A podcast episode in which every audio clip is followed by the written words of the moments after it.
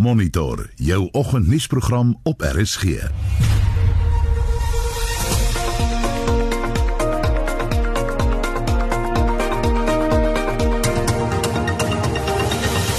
volgens se program die vakbond federasie SAFTU is bekommerd dat die skuif na vlak 3 van die inperkende ekonomie opstoot kan gee ten koste van mense se lewens. The message can't be that sorry you're going to die in in your thousands and there's nothing we can do about that continue to die now is the time to open the economy and please the bosses Die poskantoor het die aflewering van briewe en pakkies hervat.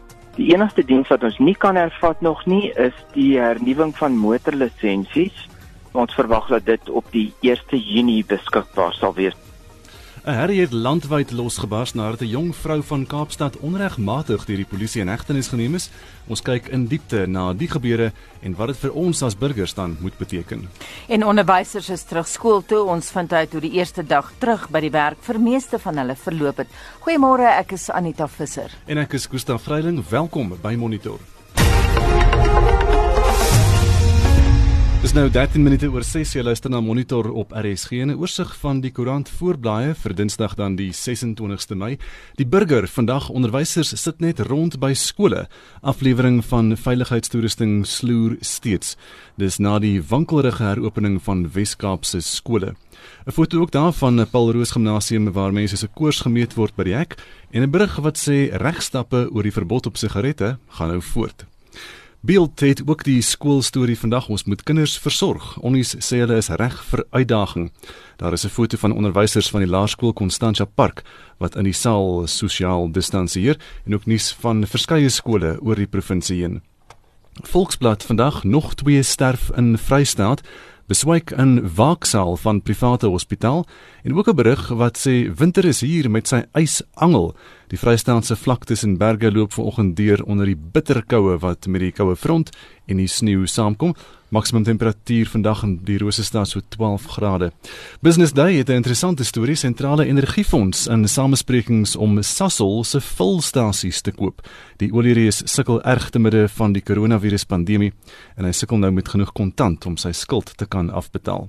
Internasionaal op bbc.com die Wêreldgesondheidsorganisasie staak alle toetse vir hidroksiklorokin as moontlike behandeling vir COVID-19. Volgens 'n studie kan die middel hartprobleme en verhoogde risiko vir dood in pasiënte veroorsaak. En ons ook chaos by Indiese lughawens soos wat binnelandse vlugte in daardie land hervat. En dis vinnige oorsig van vanoggend se nuus. Die minister van Polisie het Vrydag aangekondig dat 230 000 Suid-Afrikaners reeds in hegtenis geneem is sedert die Grendel tydperk. Dis nou 61 dae gelede. Ons praat veraloggend 'n bietjie daaroor en ons fokus op die vrou, die drawer, wat uh, verlede week dis nou Vrydag aan die strand binne bepaalde oefenure, dit was kwart voor 8 die oggend en met 'n masker aan in 'n polisievang waar geboender is. Uh, ons praat met verskeie kenners daaroor veraloggend en kry ook reaksie van menseregte groepe en ons wil weet vandag by ons luisteraars, is jy of enige van jou familielede of jou vriende dalk tydens die Grendel tydperk in hegtenis geneem en waarvoor? Is jy bang wanneer jy uitgaan? Al is dit net winkel toe of is jy moeg vir die inperkingsmaatreëls en doen jy vreesloos nou net wat jy wil? Stuur vir ons 'n SMS, dis na 45889. Onthou dit kos R1.50. Jy kan ook gaan na ons Facebookblad by facebook.com vorentoe skynstreep ZRSG of WhatsApp vir ons stemnota na 076 536 6961 076 536 6961 16 minute oor 6 in die vakbond federasie SAFTU se hoofsekretaris Zwelenzima Wawi sê dat die heropening van die ekonomie op vlak 3 van die inperking tot 'n slagting gaan lei onder die werkersklas. Wawi sê dit is duidelik dat die regering geswoeg het onder die druk van geldgieriges.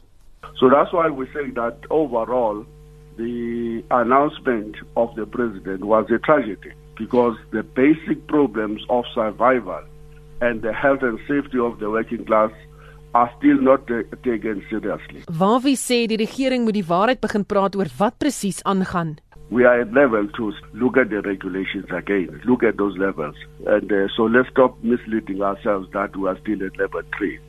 The announcement took us to level two. And now the point that we're making the president ought and or the government ought to be honest with the people to say, guys, in the context of what we are reading in terms of what is happening in the economy, we can no longer go to level three, but to take the economy straight to level two because we are being advised by the scientists that uh, the rate of uh, infections that we are seeing today can still be uh, managed in this way and that way. There's no honesty. We are being told that we're level three when in fact we have been lost to level two. There's no correlation between the economic pressures to address the growing levels of unemployment poverty and the fact that uh, the face of the virus have now become the working class. It has moved from the leafy suburbs into Alexander, into Khayelitsha, into the informal settlements in Cape Town and everywhere else in the country. And we hope that that's not the reason why uh, the economy is now being closed without uh, giving any assurance to everybody that uh, no, we are arresting the problem. The message can't be that sorry, you're going to die in in your thousands, and there's nothing we can do about that. Continue to die. Now is the time to open the economy and please the bosses, and in a very narrow way that doesn't take into consideration the the health of ordinary people in, the country. Waar wie sê gemengde boodskappe maak dit baie moeilik om mense die regte raad te gee in die tyd. We've been extremely concerned about the mixed messages from the scientist world and uh, including those that are said to be advising the government. Part of delegitimizing of these uh, lockdown regulations and discrediting the government message has been as a result of government leaders themselves and the scientists uh, making different announcements at different occasions that have created confusion and perhaps told the country that uh, there's no need to fear that much. The, the virus can be managed, or in some instances, an exaggeration of what is happening. Everybody, of course, have a right to freedom of speech, including the scientists themselves. And I guess that we, as the, as the, as the members of the public, must learn how to manage even contradictory messages that may be coming from that scientist world. When we intervene, we shouldn't be heavy handed to the point that uh, we appear to have some Gestapo government that uh, will not tolerate different views, even from the people that are advising the government. So we will be cautious in terms of going overboard in disciplining her and, uh, and, and argue for more tolerance so that we can perhaps hear all of these messages. Zwelin Zima Wawi, die Vakbond Federasie SAFTU se hoofsekretaris. Die sakeverslag word nou aangebied deur Nelis Brink van PSC Wealth R21 in Pretoria en op Stellenbosch. Goeiemôre Nelis. Môre Anita.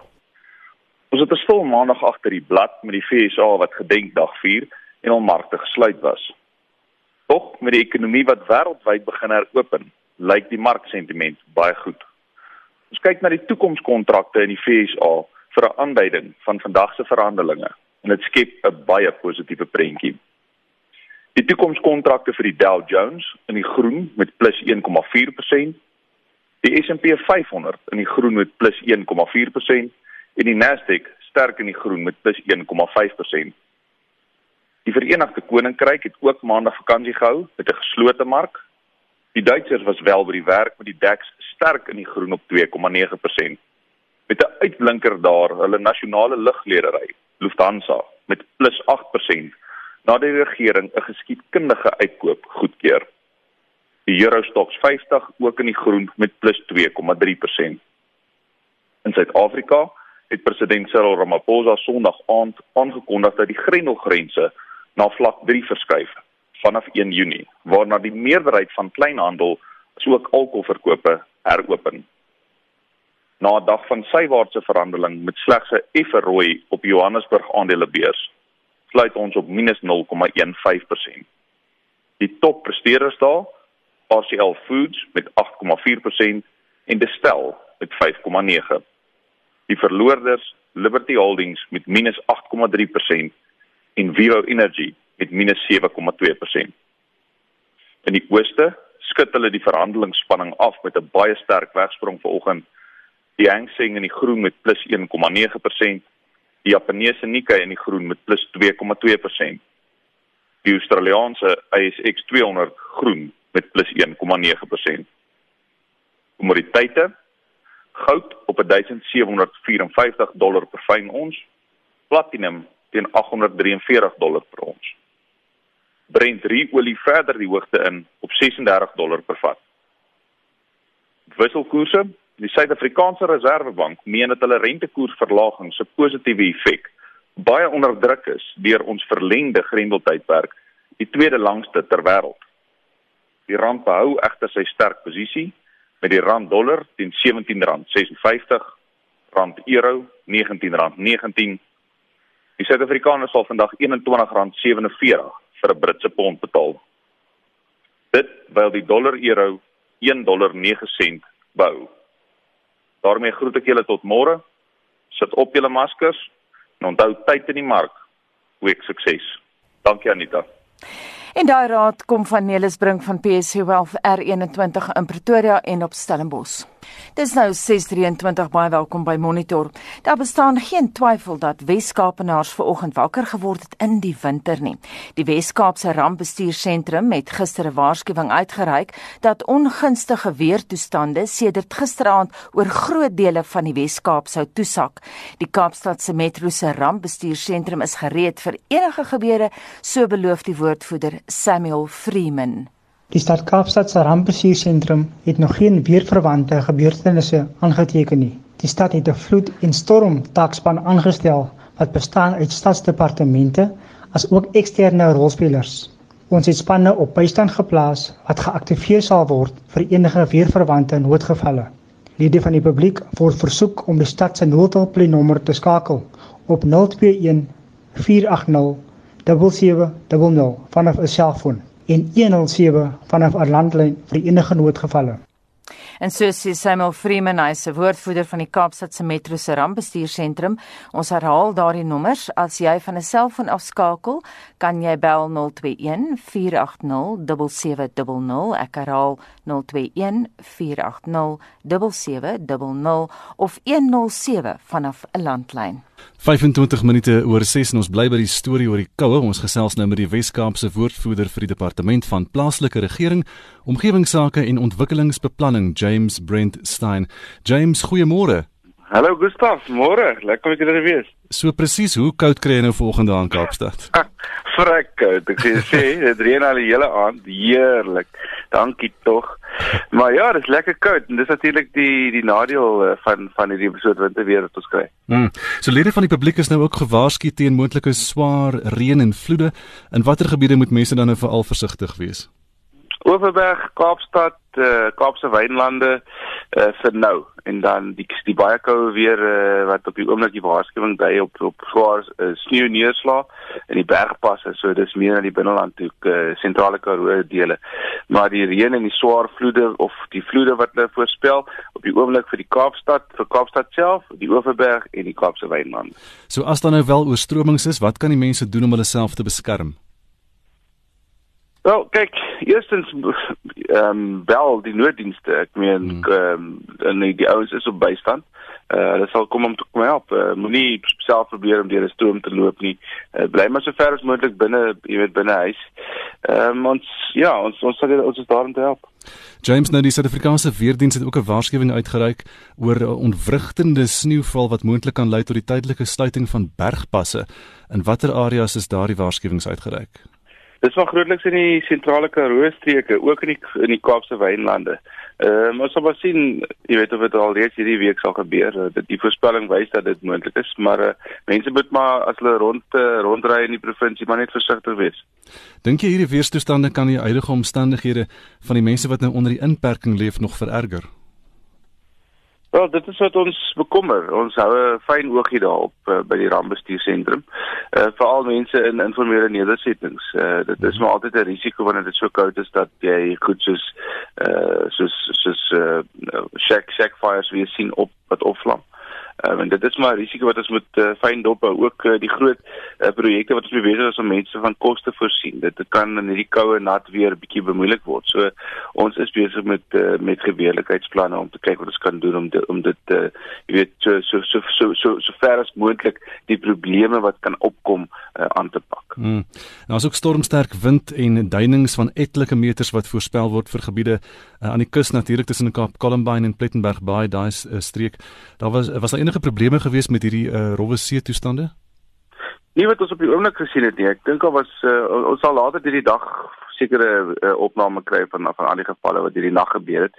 Ehm um, ek dink in 'n mate help inperking en veral die die um, wat noem ons dit nou die tussen 7 uur en 5 hmm. in die oggend wat mense nie kan rondry die curfew. Ja. Ek dink jy weet daar is minder mense op die paaie en dit sal natuurlik help, maar ons sal definitief 'n bestekopname doen 'n bietjie later vanoggend. James baie dankie ons het gesels met James Brent Stein, die Weskaapse woordvoerder vir die departement van plaaslike regering, omgewingsake en ontwikkelingsbeplanning. Die poskantoor het die aflewering van briewe en pakkies asook pos sorteergeriewe hervat. 'n Woordvoerder van die poskantoor Johan Kreer sê meer as 1000 takke sal heropen en ten volle bedryf word. Hy sê koerierdienste en die betaal van rekeninge het ook hervat. Dit is absoluut alles wat ons vandag hervat.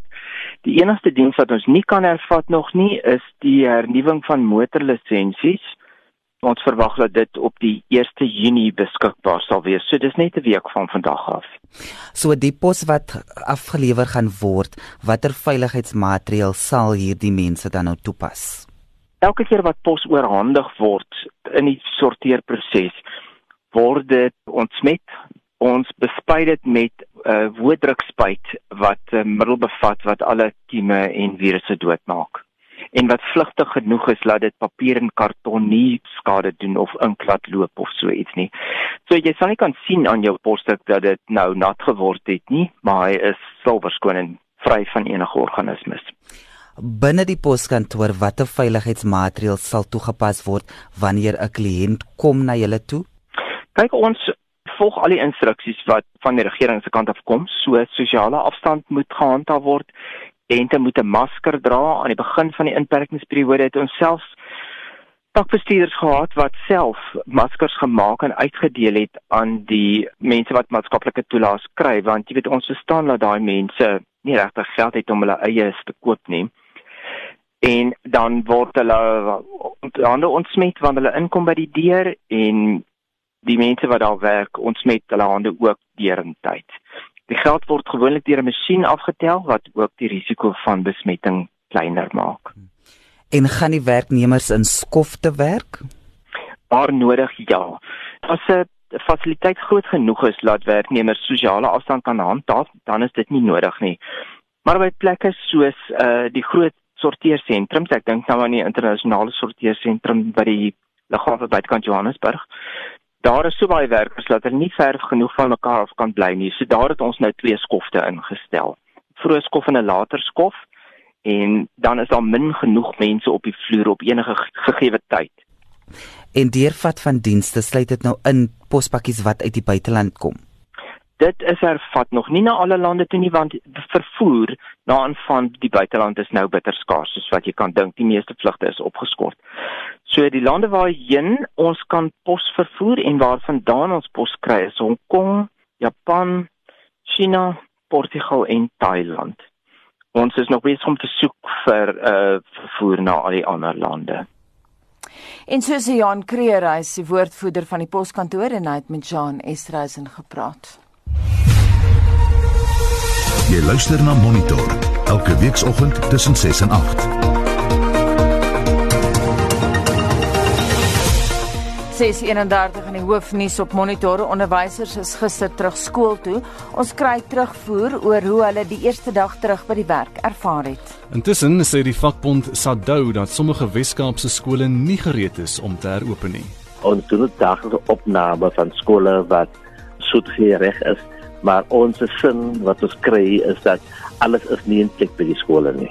En Sadik Leiers is bekommerd oor die toename in geweld deur ISIS terreurgroepe in Mosambiek, bly ingeskakel. Wens wat sê ons luisteraars? Anita Treda Prinsloo sê as ons uitgaan, sorg ons dat Facebook oop is sodat ons dadelik 'n live video kan begin as die polisie of verkeersbeamptes ons stop. Die kar het ook self 'n dashcam in en 'n mens kan glad nie meer die polisie vertrou nie sê sy sê sy dis baie sleg maar mens moet maar aanpas en sorg dat jy bewyse het vir die vir sake vergoeding. Lia Pet Petronel sê in die huis gehoorsaam, ehm um, sy die reëls en as ek daagliks taakies moet doen, byvoorbeeld winkel toe, sit ek my masker op, loop alleen en sorg om weer vinnig tuis te wees.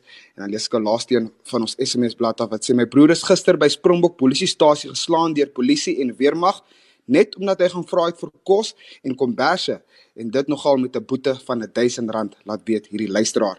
So dit lyk my daar is mense wat redelik bang is vir die polisie. So stuur maar vir ons jou boodskap na 45889. Dit kos R1.50 per SMS of jy kan sien op Facebook gesels mense lekker saam en jy vind ons blad by facebook.com vorentoe skynstreep ZRSG. Jy kan ook gerus 'n stemnota stuur, hou hom so 30 sekondes lank en daardie nommer is 076 536 6961. 25 minute voor 7 en ons gee die bal aan na Shaun Jooste met die sport. In rugbynuus. Die Stormers afrigter John Dobson sê hulle sal van twee spanne gebruik maak wanneer rugby hervat word om die verspreiding van die koronavirus te beveg. Dobson sê ook wanneer 'n speler positief toets vir die virus, sal elke lid van sy oefengroep vir 2 weke in afsondering geplaas word, wat beteken dat geen speler van daardie groep op die veld sal verskyn nie. Die span wat vir 'n wedstryd gekies word, sal ook gedurende die week in kleiner groepe oefen om te verhoed dat die hele span in afsondering beland. Suid-Afrika beweeg van maandag af oor na vlak 3 inperkings, maar kontaksport soos rugby wag nog vir die groen lig. Die Nieu-Seelandse Super Rugby spanne is hard aan die oefen en berei voor vir hul plaaslike kompetisie wat op 13 Junie afskop en die Aussie spanne het ook weer begin oefen. Kriket. President Cyril Ramaphosa se aankondiging dat nie kontaksport van vlak 3 af hervat mag word, is dalk goeie nuus vir Kriket Suid-Afrika. Dit is nog nie duidelik of wedstryde, reekse en toernooie agter geslote deure sal kan voortgaan nie, maar spelers kan weer begin oefen. Die kriketseisoen in Suid-Afrika het wel tot 'n einde gekom, maar KSA sien uit na die toer na die Wes-Indiese eilande aan die einde van Julie en ook die moontlike tuis T20 reeks teen Indië in laat Augustus of vroeg September. Die reeks teen Indië is van groot finansiële belang vir Suid-Afrikaanse kriket. Reisbeperkings bly 'n struikelblok, maar die Windies toer kan moontlik nog hier in Suid-Afrika plaasvind. Daar sal meer duidelikheid oor die toekoms wees wanneer vlak 3 regulasies hierdie week bekend gemaak word. In laastens in sokkernuus. Na die naweek se wedstryde in die Bundesliga in Duitsland bou Bayern München hulle 4 punte voorsprong oor Borussia Dortmund met RB Leipzig terug in die derde plek. München het 61 punte, Dortmund 57 en Leipzig 54. Dortmund en München takel mekaar vanaand half 7 in 'n kragmeting wat moontlik die seisoen kan beslis. Shaun Schuster, SAK Sport. Met skole wat volgende maandag 1 Junie vir graad 12 en graad 7 leerders heropen, is onderwysers gister terug skool toe. Die minister van basiese onderwys, Angie Motshega, het verlede week gesê skole sal toegerus word met beskermende toerusting en elke skool is aan 'n kliniek verbind en leerders se koors sal by ingange gemeet word. Die Wes-Kaapse sekretaris van die vakbond SADU, Jonathan Rusten, sê daar is egter skole in die provinsie wat nie die nodige veiligheidsmaatreëls daar gestel het nie. Ons as die Unie is nie uh, convinced dat al die protective measures in die planne is uh, in plek by die skole nie. Ons doen daaglikse opname van skole wat soet reg is, maar ons sin wat ons kry is dat alles is nie in plek by die skole nie. So het van hulle al die nodige beskermende toerusting soos handreiniger en gesigsmaskers ontvang dan daar het skole gesigmaskers ontvang ook uh, hand sanitizers. Van die skole het die thermal scanners ontvang. Ons groot grief is dat ons weet nie of hierdie skole compliant is met die department of labor en die DPSA regulasies nie. Ons is bekommerd dat skole miskien 'n false impression kan gee dat uh, hulle gereed is en ons wil nie ons lede se lewens in gevaar stel nie. En indien 'n onderwyser voel dat hy of sy nie wil skool toe gaan omdat hulle voel die skool is nie veilig nie, wat kan hulle doen? Men ons advies is dat maak in kontak met die streeksekretaris van SADU, praat met die kringbestuurder laat die departement van employment and labour 'n inspeksie kom hou by die skool om te verseker dat alles in plek is. En ons is vreesbevange dat dit goed nie in plek is hier dat ons ons lede en die leerders nie goed gaan beskerm nie. En so sê Jonathan Rusten, die Weskaapse sekretaris van SADU, en hy het met John Esterhuizen gepraat. Dis 21 minute voor 7 en ons bly by die storie en praat nou met die uitvoerende hoof van die Suid-Afrikaanse Onderwysersunie of die SAOU, Chris Klopper. Chris, goeiemôre. Goeiemôre, goeiemôre ook aan die luisteraars. Wat is uh, van die reaksie van onderwysers sedert hulle nou gister begin terugkeer het skool toe? Kyk, is eintlik maar net in twee provinsies wat ons kan werklik praat van 'n terugkeer. Dit was hoofsaaklik in die Wes-Kaap waar die bestuurspanne en onderwysers teruggekeer het en dan in Gauteng was dit hoofsaaklik die bestuurspanne wat teruggekeer het na skole toe. In die al in die ander sewe provinsies het daar bitter min aangegaan indien enigstens iets. En ehm um, so ons sê oh, jy kyk eintlik eintlik na 'n totaal van 2 uit 9 provinsies weet jy wat jy kan praat van daar was 'n terugkeer gewees. So wat is die kans dink jy nou as jy nou so die prentjie skets dat die skole in al die provinsies teen Vrydag gereed sal wees?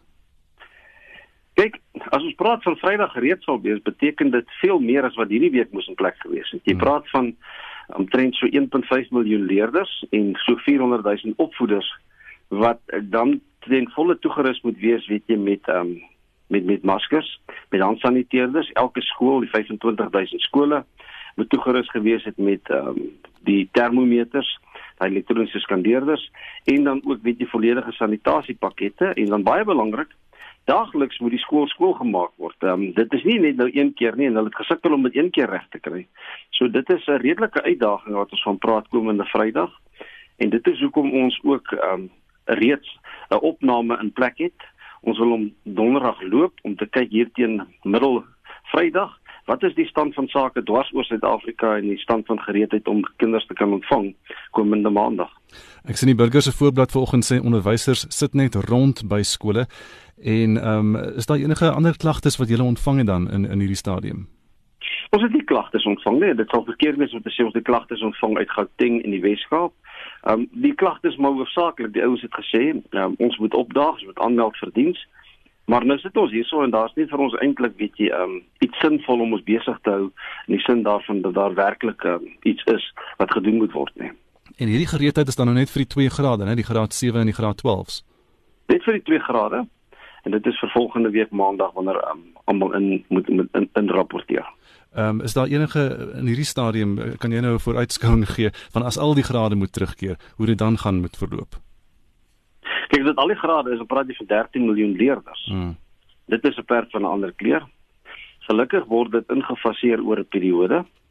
Maar ons moet vir mekaar ook sê die grade 7 en 12 was gewees omdat ons nog onder vlak 4 was. Vlak 3 dokumente wat ons gesien het praat jy van omtrent dat al die grade dat al die laerskole terugkeer, al die grade in die laerskool en dat um, jy ook graad 11 byvoeg. Hmm. En dit is dan 'n perd van 'n ander kleur. En dan moet hulle nou sosiale afstand skep in klasse en meer van die klaskamers seker gebruik, né? Ek wat wat dit moeilik kom ek wat dit moeilik maak in skole is die hele kwessie van sosiale afstand, daai 1.5 meter, maar ek dink daar's verskeie opsies op die tafel en die eerste ene is byvoorbeeld dat jy roteer die kinders op 'n daaglikse basis op, op, op kom ek sê op alternatiewe dae. Hmm. Op dag sien nou maar dag 1 is daar 4, 5 grade by die skool en dan die volgende dag is daar weer die ander grade in 'n laerskool en doen dieselfde by die hoërskool of jy doen dit op 'n weeklikse basis.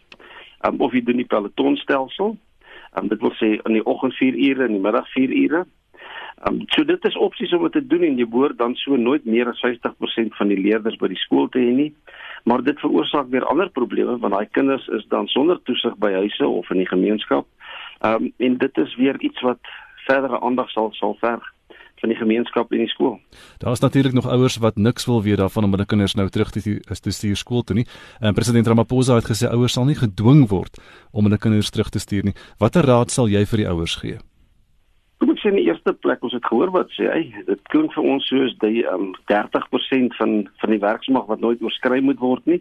Ons sal wag vir die regulasies alvorens ons daarop reageer. Ehm um, As die regulasie stil is daaroor, dan sal ouers daai kinders moet registreer vir tuiskoolleerders want die skoolplig sal inskop en dit kan dan kan jy nie sommer net 'n kind weghou nie want dan is hulle volledig in terme van die SA skoolkalender is hulle weer geïntegreer in die stelsel en sal dit regmatig hanteer moet word binne die raamwerk van die wet. Sou dit onwettig wees dan om jou kind weg te hou? As daar nie 'n regulasie is wat magtiging verleen nie of daar is nie 'n magtigende bepaling ernstig nie, sal dit 'n pro probleem wees. Hmm. Chris baie dankie Chris Klopper is die uitvoerende hoof van die Suid-Afrikaanse Onderwysersunie. Nou SADC se leiers het onlangs vergader om hulle kommer en misnoë uit te spreek oor die toename van geweld deur ISIS die terreurgroep in Mosambiek se noordelike Cabo Delgado provinsie. Die projekleier vir Suider-Afrika by die Instituut vir Sekuriteitsstudies in Pretoria, Liesel Lou Vondra, het die agtergrond aan Anita geskets. Dit is eintlik al meer as 2 jaar wat hierdie krisis aan die gang is en baie mense en waarnemers en so aan het al gevra dat SADC iets moet sê oor die krisis in Mosambiek want dit het 'n impak op die res van die streek. So dit was eintlik baie goed dat daar nou hierdie vergadering was tussen president Emerson Mnangagwa wat die voorsitter is van SADC se orgaan wat met uh, kwessies van verdediging en sekuriteit en so aan wat dit hanteer en dan was daar ook dan natuurlik president Nyusi van Mosambiek en president Edgar Lungu van Zambia en Masisi van Botswana. En is daar enigiets spesifiek besluit oor die pad vorentoe? Wel mens moet maar tussen die lyne lees.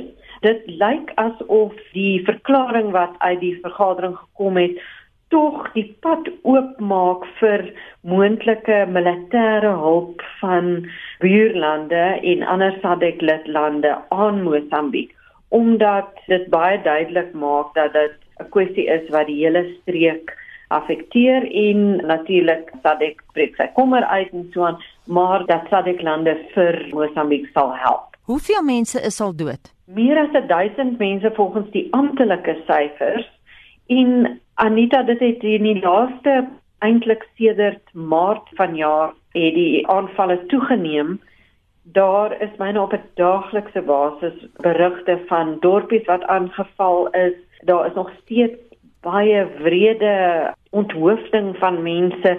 Hoewel vroeër die jaar het dit gelyk asof die groepe die uh, Al-Sunna terreurgroepe van strategie verander en dat hulle soort van probeer gewone mense aan hulle kant kry teen die regering. En dit is waarskynlik steeds die strategie wanneer dit kom by van die hoofsentrums in Cabo Delgado in die noordelike provinsie waar hierdie terreur nou plaasvind. Maar daar is nog steeds ernstige ernstige gevalle. Daar is duisende mense wat uit hulle huise gevlug het. Die amptelike syfers is iets soos 160 000 en die Mosambiekse regering het nou self gesê dat daar amper soos vlugtelingkampe op minstens een kamp opgerig gaan word waar vlugtelinge op soos hulle sê internally displaced people uh, huisves kan word. Verbaas dit jou dat dit plaasvind binne die konteks van COVID-19 dat die virus nie hierdie mense se bewegings of aanvalle stuit nie? Net ek dink nie so nie want ons het ook in die res van Afrika gesien dat hierdie terreurgroepe glad nie hoegenaamd minder aanvalle loods of beïnvloed word deur COVID-19 nie. Boko Haram en uh, die jihadist groepe in die Sahel gaan voort om die waarheid te sê, die aandag van die wêreld is nou op ander dinge gefokus en daarom is dit amper vir hulle 'n geleentheid om nou meer mense te werf om hulle propaganda uh, op die internet en so aan te intensifiseer. Dit verbaas my nie dat in die noorde van Mosambiek dit voortgaan nie. Dit het sy eie dinamiek hierdie terreur in die noorde van Mosambiek. Hoe sien jy die saak en die storie om uitspeel? Dit lyk tog in hierdie stadium asof veral Zimbabwe op 'n manier militêr gaan help. Daar's reeds hier soldate daar uh, uit Suid-Afrika en Mosambiek, ag uh, uit Zimbabwe. Dit lyk asof daar al reeds Zimbabwe se spesiale magte in die noorde is. En Mosambiek het vir Angola ook gevra om te help. Jy weet, dit is ook Portugees sprekend, so dit kan wees dat Angola troepe stuur. Daar is nog baie onsekerheid daar rondom. Ek dink Suid-Afrika van die berigte en die gerugte wat 'n mens hoor is skrikkerig om betrokke te raak want die oomblik wat 'n mens dan nou troepe stuur uit die streek dan kan hierdie terreurgroepe ook dan nou daai lande deur hulle propaganda maar ook moontlik mense wil dit amper nie noem nie deur terreuraanvalle dan nou teiken. Mens moet dit net oor en oor sê, hierdie terreuraanvalle in Cabo Delgado is nie 'n vreemde dis nie aanvallers van buite af nie. Goed, hulle het nou hulp van die Islamitiese staat en hulle hys die vlaag van die Islamitiese staat, maar dit is Mosambikers van Cabo Delgado met hulle eie gruwe en die ding kom nou al baie jare. Daar's ook religieuse en etniese elemente. Maar as die streek betrokke raak uit weerwraak dan amper as 'n waarskuwing, jy moenie betrokke raak nie. Kan daar dan aanvalle of boodskappe gestuur word na die streek. So dit klink asof Suid-Afrika sal huiwer om so betrokke te raak. Op die lang duur kan hierdie terreur beperk word Dis amper kan ek sê die beste scenario want dit is wat ons sien in plekke soos Boko Haram waar in die hmm. noordooste van Nigerië nou vir 10 jaar het jy Boko Haram en dit het nog nie men dit het rondom die Chad meer versprei maar nie na Lagos en Abuja nie as jy weet wat ek bedoel. Liesel sou die Katolieke Kerk 'n teenvoeter kon wees vir die idee van 'n islamitiese staat kalifaat. Nee, ek dink nie so nie. Weet die biskop van Pemba het nou hom nou al baie uitgespreek oor hierdie kwessie. Hy het baie onlangs nog weer gesê dat die aanvalle op Katolieke kerke in die noorde van Mosambiek is nie spesifiek op hulle geteken nie. Dit is nie asof die Islamitiese staat of die terreurgroepe noodwendig Christene teiken nie. Dit is deel van hulle strategie om mense net eenvoudig te probeer uitdryf uit sekere gebiede uit. Hulle werf die jong mense. Daar's ook baie wat uh, gevange geneem is. Jy weet jong vrouens word ook ontvoer. So in hierdie stadium hoewel ons wede word gedryf deur radikale moslim ideologie is daar nie 'n spesifieke strategie rondom die tekening van Katolieke nie. So die noorde van Mosambiek, ten minste die uh, groot provinsies daar is dominant Muslim en die suide is Katoliek. Hoe vatbaar is die Mosambiekse bevolking vir werwing? Dit is 'n goeie vraag want soos wat ons al gesien het in elders in Afrika, jong werklose, gemarginaliseerde jong mans wat miskien ook aan 'n etniese groep behoort wat hulle voel glad nie enigstens 'n kans het om 'n werk te kry in die regering of in maatskappye of wat ook al nie. Dit is maar waar hierdie groepe werk en dan kry jy nou in Mosambiek hierdie absolute plofbare situasie waar in uh, Cabo Delgado provinsie nou vir die laaste paar jaar is daar groot gaswikkelings aan die gang. Mosambiek gaan oor 'n paar jaar as die uh, ontwikkelings nou voortgaan een van die grootste gasprodusente in die wêreld wees. Iets soos 60 miljard dollar se belegging word genoem deur internasionale maatskappye van Frankryk van Amerika in Cabo Delgado. So die kontras met die armoede en die gemarginalisering van jong mense, jy weet en baie van hulle is ook vissers dorpies byvoorbeeld is verskuif sodat hierdie gasaanlegte dan nou kan gebeur. So mense het hulle werk verloor ook die wat dit gehad het. So daar is definitief 'n uh, teelaarde amper waar hierdie groepe mense kan werk maar ek dink die grootste motivering is ook te reer jy weet hulle skrik mense af hulle dreig hulle af hulle ontvoer hulle. Dis nie asof hierdie jong mense of jonger of of minder jonk net eenvoudig oorstap en sê o ek gaan nou deel word van 'n terreurgroep nie. Dit is 'n proses wat deur ehm um, amper afspersing en intimidering gebeur en sukses ons het dit gesien in Somalië met Boko Haram in Mali en Burkina Faso. Dit is 'n strategie wat nou al redelik goed gedokumenteer is op die kontinent. Liesel Lou Vaudra van die Instituut vir Sekuriteitsstudies in Pretoria en Anita het daardie onderhoud met haar gevoer. Nou ons bly by die storie. Monitor het professor Abel Esterhuise van die fakulteit Krygskunde aan die Universiteit Stellenbosch gevra of Afrika weermagte en spesifiek Zimbabwe se spesiale magte die vermoë het om die ISIS terreurgroepe in Mosambiek se Cabo Delgado provinsie hok te slaan. Ek het ernstig gevra rondom die kapasiteit van die Zimbabwe weermag. Ons weet hoe lyk die Zimbabwe uh, ekonomie. Ons weet dat die Zimbabwe weermag hoofsaaklik gebruik word op hierdie oomblik om redelik die bevolking binne Zimbabwe te polisieer. Zimbabwe het 'n goeie spesmagte vermoë ontwikkel wat nog uit die 70s en die 80s kom, maar daar's ernstige vrae oor hulle vermoë. Ek twyfel of hulle regtig 'n oorkoepelende vermoë het om die probleem in in sy geheel aan te spreek. En Angola? Angola het 'n baie goeie kapasiteit. Uh, Angola se weermag is waarskynlik in Suider-Afrika die bes toegeruste en waarskynlik ook bes opgeleide weermag. Angola en Botswana is waarskynlik die twee weermagte wat die kapasiteit het om werklik te ontplooi om 'n verskil te kan maak in Mosambiek as ek vinnig moet oordeel. Maar Afrika weermagte het 'n kapasiteitsprobleem of hoe?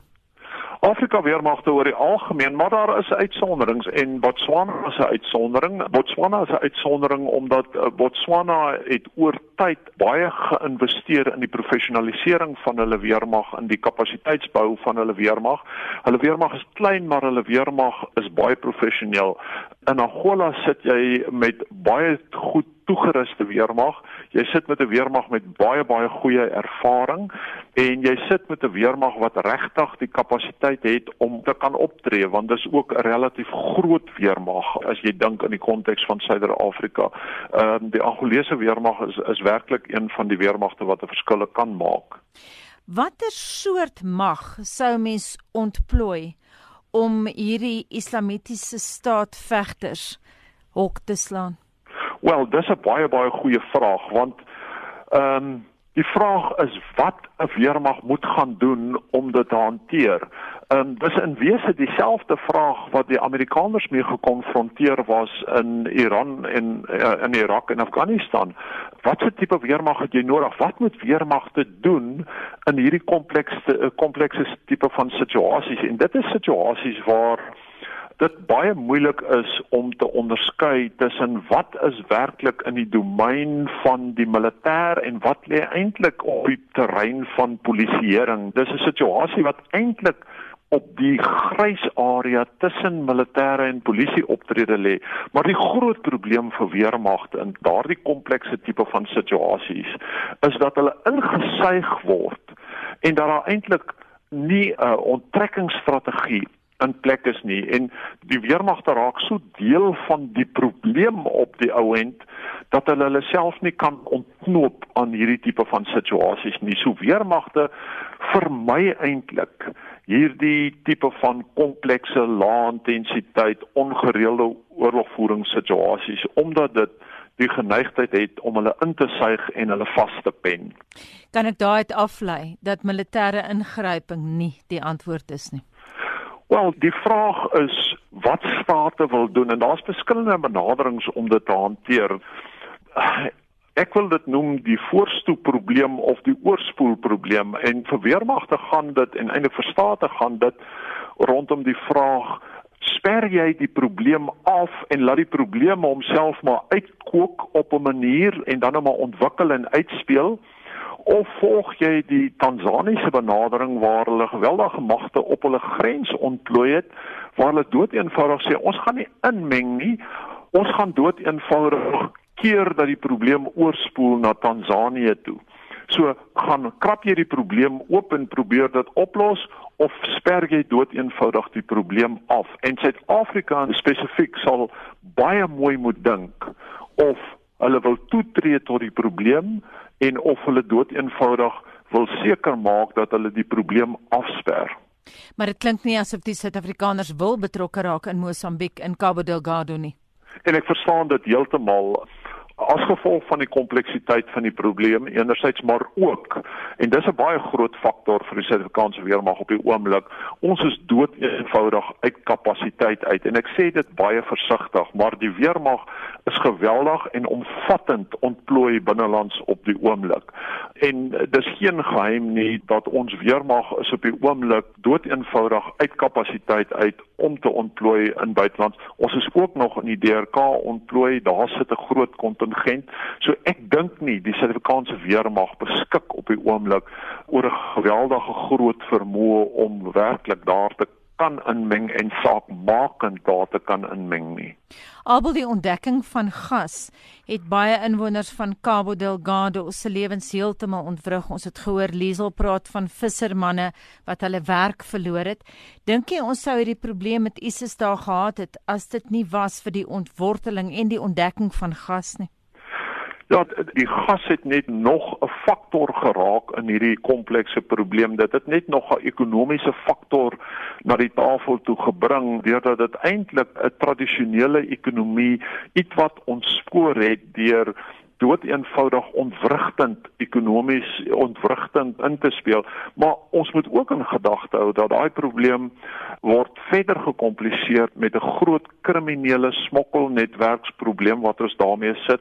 Daar's die godsdienstige deel van die probleem en daar's 'n groot demografiese probleem. Liesel het dit baie mooi uitgepak maar die demografiese probleem wat verband hou met baie jong mense wat nie werk het nie, wat nie toegang het tot die ekonomie nie en dit is tradisioneel 'n voorspel tot probleme as jy baie jong mense het wat nie toegang het tot die ekonomie nie. Professor Abel Esterhuise van die fakulteit Krygskunde aan die Universiteit Stellenbosch en Anita het met hom gepraat. Kom ons luister na wat ons luisteraars te sê. Ons praat 'n bietjie oor mense wat dalk hardhandig deur die polisie behandel is of dalk in hegtenis geneem is tydens die grendelperiode. Patrick van van der Byl, ja nee, ek is nou moeg vir hierdie lockdown jong. Ja. Ja, maar daarom werk ek en kan elke dag uitkom en gaan werk. Ek het daarom nog nie probleme gehad met die polisie of so nie. Maar alles loop reg. Ja, dankie.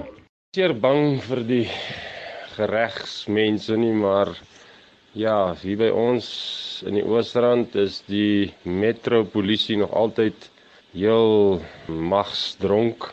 Ek vermy hulle ten alle koste. Ek ry ander paaie waar hulle bedrywig is, sal ek afdraai en 'n ander roete volg. En so ja, ek mense is net nie in die luim om met hulle ook te argumenteer oor kleinighede nie. En dit bring ons by 7 uur.